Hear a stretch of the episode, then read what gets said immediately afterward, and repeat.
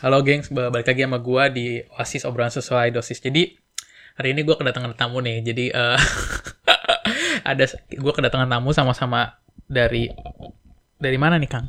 Dari Bandung. Oh dari Bandung. Jadi uh, sebenarnya kita uh, jadi uh, perkenalan dulu deh, perkenalan dulu deh. Nama siapa, asal dari mana, pekerjaan apa? Uh, nama gue Jay, gue 22 tahun. Gue dari Bandung Uh, gue di sini kerja sebagai barista. Status? Waduh, status single. kan uh, bisa sekalian promosi ya. Bener. Oke oke oke. Nah tadi uh, Jay udah sempat nyinggung nih. Tadi uh, Jay di Jerman di Jerman ini tepatnya di kota Hamburg ya adalah seorang barista. Oke.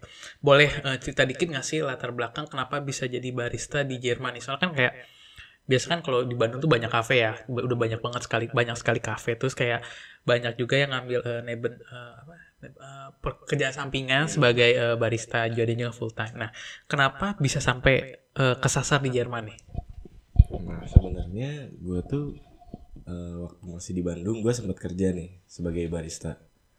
Di mana? Nah, di Ohio nama oh. tempatnya. Itu tempatnya lokasinya di depan Unpar Percis Universitas Parahyangan Nah, terus gue tadinya tuh ke Jerman mau kuliah. Nah, awalnya? Awalnya mau kuliah. Hmm. Tapi karena akan sesuatu hal. Apa tuh? Nah, itu hal? yang dinamakan student college.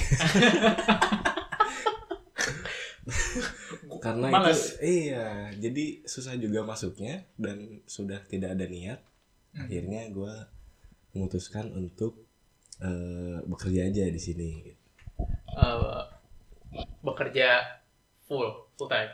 Uh, mungkin ke depannya untuk bekerja full time. Okay.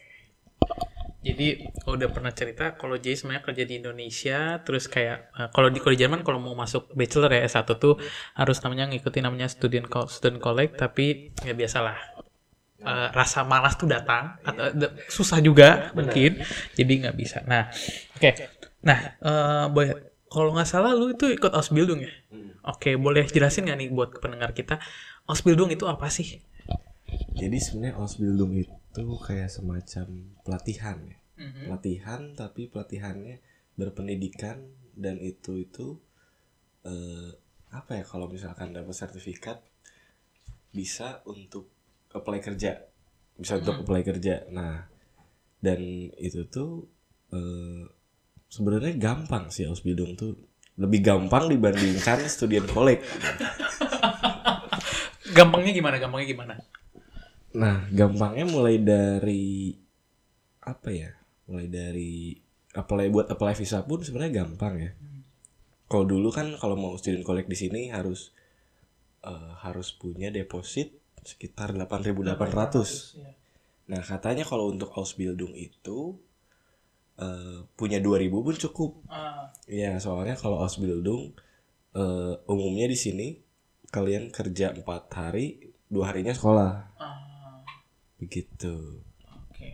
Jadi kayak uh, pelatihan lah ya. Jadi pelatihan tapi lu tetap digaji kan Bener. tetap digaji nah kan tadi J udah bilang J itu ikut Ausbildung nah dan sekarang nih sebagai barista ya nah uh, barista di mana nih barista di mana nih Waduh, uh, sekarang sih lagi.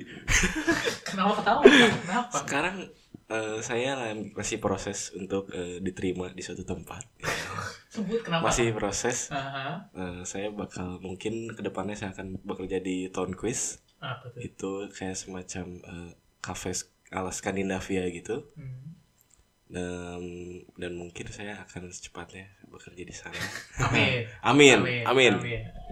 Oke, nah kan uh, tadi tuh J sempat udah sempat nyinggung kalau dia di Indonesia udah pernah bekerja, terus kan di sini bekerja juga. Nah, hmm.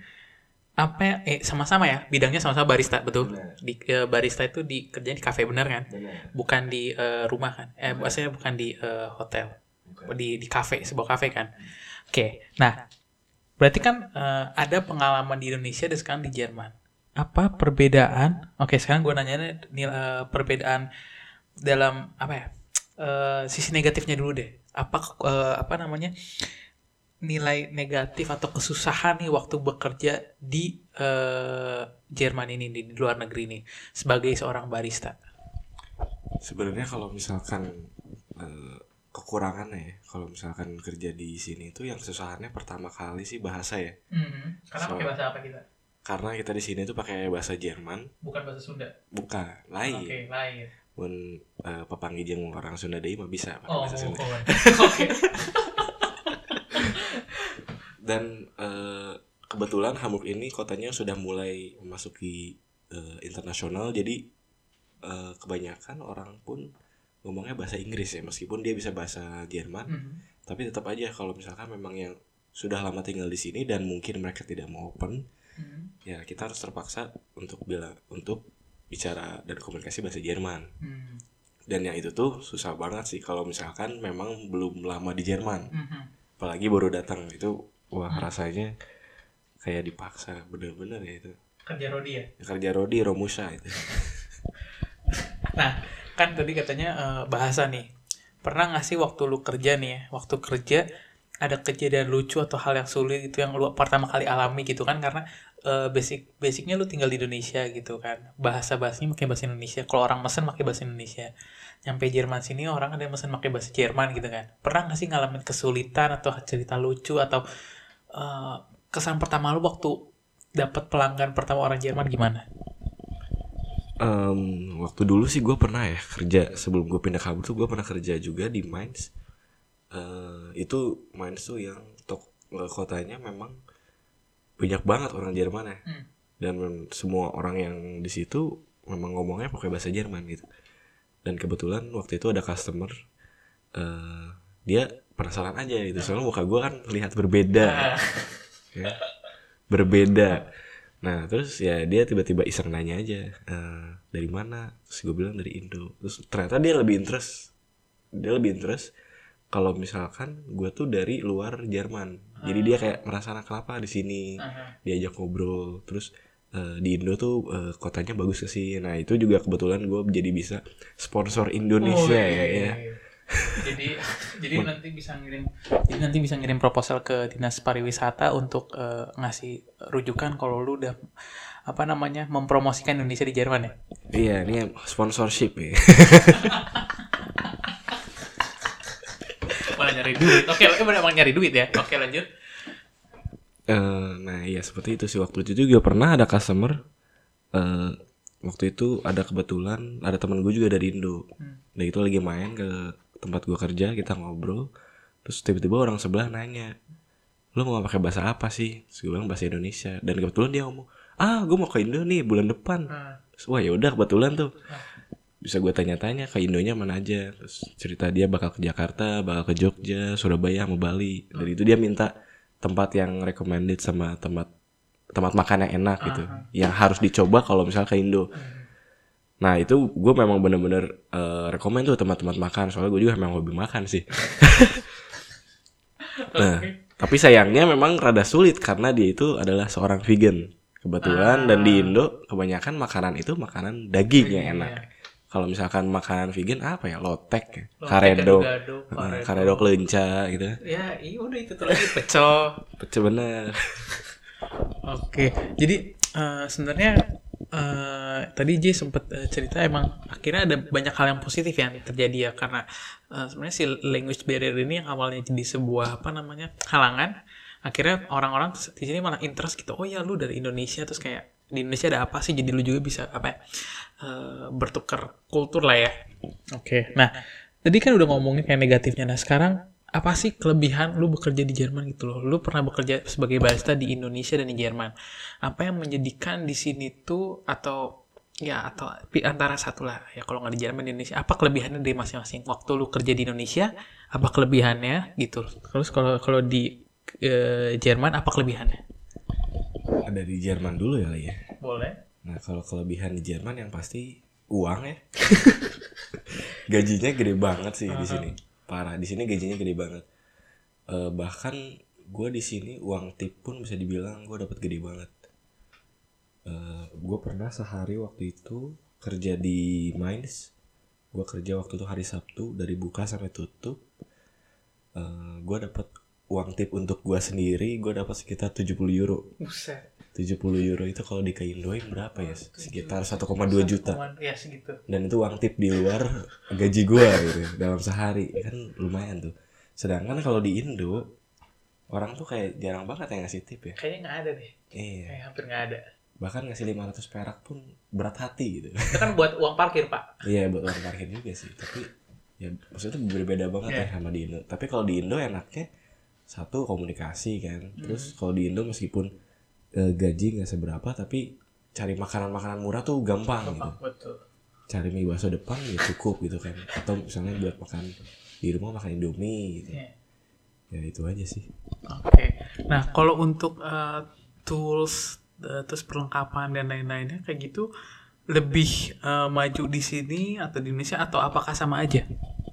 Em, kayaknya kalau misalnya toolsnya sama aja ya, cuman eh, memang beberapa alat ada yang murah untuk dibeli di Indo, tapi ada juga yang lebih murah dibeli di Jerman. Soalnya kalau di Jerman eh, shippingnya itu dekat juga, yang otomatis lebih murah juga. Mhm.